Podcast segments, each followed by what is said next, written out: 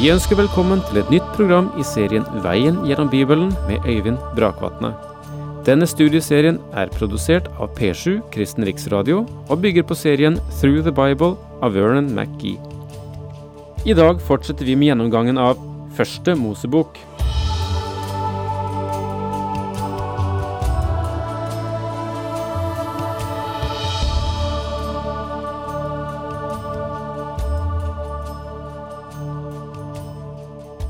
Vi er fremdeles i det 33. kapittel i første Mosebok. Vi så forrige gang møtet mellom Esau og Jakob, og hvordan egentlig Gud har forberedt dette møtet så at det ble helt annerledes enn både Jakob og også Esau hadde tenkt. Og eh, vi ikke minst legger merke til at noen ting har hendt med Jakob, noe vesentlig. Så hold fast på Første Mosebok kapittel 33, og vi går nå inn i sluttbearbeidingen av det. Når vi møter Jakob her, så minner han meg om Sakkeus i Det nye testamentet. Da Herren kalte på ham og fikk ham ned av treet og fulgte med ham hjem, så hendte det noe med Sakkeus. Han var ikke den samme mann som hadde klatret opp i treet. Han sa at han ikke lenger ville være den tolleren som hadde stjålet fra andre mennesker og vært uærlig. Han ønsket å betale tilbake ikke bare det som han hadde ervervet seg på en uriktig måte, men han ønsket å gi igjen firfoldig. Du verden hvilken forandring som fant sted med Sakkeus. Det var ikke vanskelig å finne ut hvilket hus Jesus hadde besøkt den dagen. På samme måte er det sannelig en forandring som har funnet sted i Jakob også. Tidligere hadde han fristet med en bolle linsevelling for å få kloen i førstefødselsretten. Nå er han villig til å gi fra seg flere dyreflokker til sin bror for ingenting. Faktisk så tigger Jakob ham om å ta dem, og til slutt tok Jesu imot gaven. På den tid og i det landet ble det å avslå en gave som ble tilbudt, vurdert som en fornærmelse, og derfor tror jeg Esau tok imot gaven. Da sa Esau, La oss bryte opp og dra videre, så skal jeg dra like foran deg. Det Esau sier er, Når du nå vender tilbake til landet, så la meg dra foran deg og vise deg vei og være en beskyttelse for deg. Men Jakob svarte, Du vet, Herre, at barna ikke tåler mye, og at jeg må sørge for mine lamsauer og nybære kuer. Driver jeg dem for hardt, om det bare så er en eneste dag, stryker alt småfe med. Jakob sier, Jeg har familien med meg, og vi har små barn. Vi har også unge dyr, og blant flokkene også drektige. Vi kan ikke bevege oss så fort. Men du med din armé på 400 menn ønsker sikkert å skynde på, så bare dra ut i forveien, du. Vil ikke du dra i forveien for din tjener Herre, så kan jeg følge etter i ro og mak, med en fart som høver på budskapen og barna, til jeg er framme hos deg i Seir. Jakob sier, Jeg klarer ikke å holde følge med deg, Esau, jeg får reise i mitt eget tempo, men jeg kommer etter. Da sa Esau, Så vil jeg la noen av mennene mine bli igjen hos deg. Men han svarte, Hvorfor det? Bare du vil ha velvilje for meg, Herre. Samme dag snudde Esau om og for sin vei til Seir. Esau bodde i det sydlige Kanan i Seir, i Edoms land ved den tiden. Etter farens død hadde han flyttet til Seirfjellet, som Gud etter hvert ga Esau som sin eiendom, og det kan du lese om i Femte Moseboks andre kapittel. Jakob dro til Sukkot, der bygde han seg et hus og laget løvhytter for buskapen sin, og det er grunnen til at de kaller stedet Sukkot. La oss nå ikke fare så fort og enkelt frem her at vi ikke er oppmerksomme på det som hendte. Det er blitt en stor forandring med Jakob. Alle Jakobs dyktige planer for å presentere en gave til Esau og beskytte seg selv er blitt til intet. Gud hadde inngitt i Labans hjerte at han ikke skulle skade Jakob, og Gud hadde også forberedt Esau-hjertet på å ta imot sin bror Jakob. Nå har han fred på begge fronter. Esau ønsket ikke Jakobs gave fordi Esau selv hadde overflod. Da Jakob insisterte, så tok han imot gaven av høflighet. Begge brødrene synes å være både sjenerøse og redelige i sin forsoning med hverandre. Vi har ingen grunn til å tvile på det. Siden Esau nå er velstående, og siden han likevel ikke festet noe særlig verdi ved sin første fødselsrett i alle fall, så er det ingen årsak til at han skulle la seg forsone med sin tvillingbror. Egentlig ikke. Nå begynner solskinn igjen å falle over Jakobs liv. Laban har sluttet fred, og han er forsonet med Esau. Gud har ordnet alt dette for ham. Hvis Jakob skulle ha ordnet alt dette på egen hånd gjennom sin egen dyktighet, så hadde han vært død lenge før. Om ikke lenge vil Jakob se tilbake over sitt liv, og når han gjør det, så kommer han til å se Guds hånd som har vært med ham, og han kommer til å gi Gud ære. Men det onde han har sådd, av det er det ennå noe mer som vil gi sin høst, og vanskelighetene ligger klar og venter på denne mannen. Esau reiser videre til Seir, og vi sier adjø til ham for en stund fremover, men han dukker opp igjen ved sin fars Isaks begravelse, som vi skal se i kapittel 35. Siden kom Jakob på sin ferd fra Mesopotamia vel fram til Sikhem i Kanan, og han slo leir utenfor byen. Det jordstykket hvor han hadde satt opp teltet sitt, kjøpte han av sønnene til Hamor, Sikhems far, for hundre pengestykker.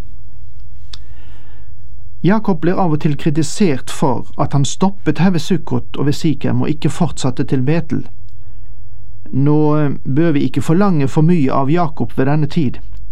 Husk at han er delvis handikappet, og han er nettopp begynt å lære å gå åndelig talt. Der reiste han et alter og kalte det El Elohe Israel. Jakob bygger et alter her på samme måte som hans bestefar Abraham hadde for vane å bygge et alter der han dro. Det fine her er at Jakob identifiserer sitt nye navn med Guds navn. Han kaller det El Elohe Israel, som betyr Gud, Israels Gud. Dette antyder en virkelig vekst i en mann som nettopp har lært å gå. La oss si det slik. Denne mannen er på vei til Betel, men han har ennå ikke kommet dit. Først drar han til Sukkot. Og da tror jeg at vi der setter strek ved kapittel 33, og vi går over til det 34. kapittel. Og jeg vil igjen bare få si at kan du følge med i din egen bibel, så vil det være en fordel for deg, og noe du vil ha glede av også senere altså kapittel 34. Ærlig talt så gjorde Jakob en feil da han stoppet i Sikhem, for her ventet det ham en skandale.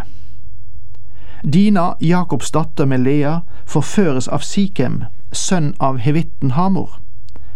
Deretter hevner Dinas brødre Simeon og Levi denne handlingen ved å drepe alle innbyggerne i Hamor. Denne handlingen kan ikke forsvares, og det er en mørk flekk på Jakobs familie. Den avslører det faktum at Jakob ikke kom bort fra Laban et øyeblikk for tidlig. Vi bør erkjenne at Gud hadde rett i å få ham ut av dette miljøet. Det er to ting Gud bruker en hel del tid på i Første Mosebok. Først av alt er det arvelighet. Gud er meget opptatt av at en troende gifter seg med en troende, og at en troende ikke gifter seg med en ikke-troende. Det er viktig for slektsarven. Det andre Gud legger vekt på, er den enkeltes omgivelser eller miljø. Dette ser vi spesielt i Jakobs liv. Han har en stor familie. Ikke bare hadde han tolv sønner, men det var også døtre i familien. Vi får en omtale bare av den ene datteren, fordi hun opptrer i dette meget dystre kapitlet her. Det er ennå en ting det er verdt å legge merke til, og som er viktig for forståelsen av Første Mosebok, og det er de spenninger som finnes i familiene. Har du lagt merke til det? Det var strid og vanskeligheter i Abrahams familie. Det var strid og vanskeligheter i Isaks familie. Esau var Isaks favoritt, og Rebekkas favoritt var sønnen Jakob, og det skapte store spenninger i familien. Nå vil vi se at det var også en hel del som skapte sorg og fortvilelse i Jakobs familie. Jakob stanser altså å bli boende her i Sikhem for en tid, og det kommer til å bety mye sorg for ham. Kapittel 34 er 31 vers fylt av en fortvilet, smussig historie, og det må ha knust Jakobs hjerte. Jakob, eller Israel som vi burde kalle ham, har bygget et alter og gir nå gjennom det sitt vitnesbyrd til den levende og sanne Gud. Der er en forandring i hans liv, men det er en svært langsom vekst og utvikling. Dette burde egentlig være en lekse for oss i dag. Vent ikke at du som en kristen skal være fullmoden over natten. Vår åndelige vekst og utvikling skjer ofte svært langsomt. Vi kan lære Bibelens sannheter, men vi vil oppdage at i vårt praktiske liv er vi ofte meget lik Simon Peter som snubler her og faller der. Vi vil takke Gud for at Simon Peter gang på gang reiste seg opp og børstet av seg, og så kom det en dag da Kristi bilde på en meget klar måte brøt igjennom i hans liv. Han vandret nær sin Herre, og faktisk gikk han til et kors på samme måte som Herren gjorde det. Du og jeg trenger å legge merke til at også i våre liv kan veksten skje langsomt. Derfor vil også veksten i andre bli langsom. Noen ganger krever foreldre som har kristne barn, altfor mye av dem.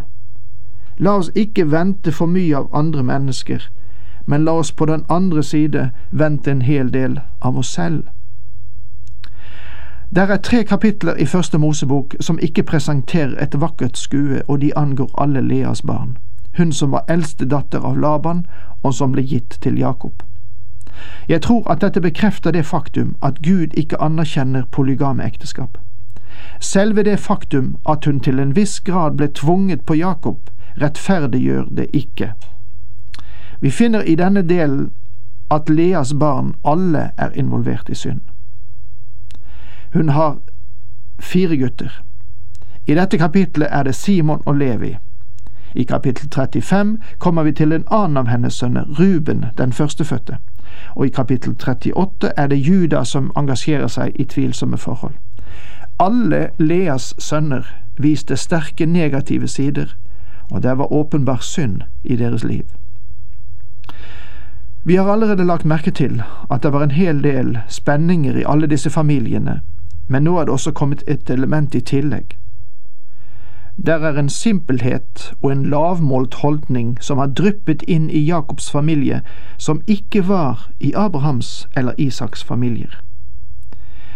De hadde store vanskeligheter og mange problemer, men ikke noe av det vi ser i Jakobs familie. Og la oss gjenta at Gud ønsket å få Jakob og hans familie ut av Labans hjem, ut fra den atmosfæren, fordi selve denne atmosfæren gav bakgrunn for disse fryktelige synder som ble nevnt her. Jakob hadde stoppet her ved Sikhem og hadde kjøpt et lite, nydelig sted i en av byens forsteder. La oss beskrive det slik. For å si det slik, så forsøkte han å tilpasse seg den lokale kultur. Vel, det var ikke et godt sted å bo, og Gud ønsker å få ham bort fra disse omgivelsene også, og tro meg, når du har lest dette kapitlet, så vil du også sikkert komme til samme konklusjon, at det er best Gud skynder seg.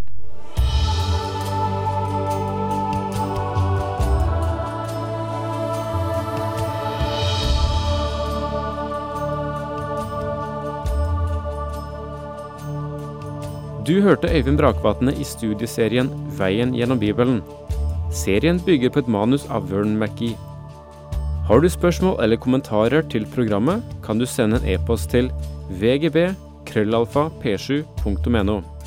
Takk for i dag, og på gjenhør.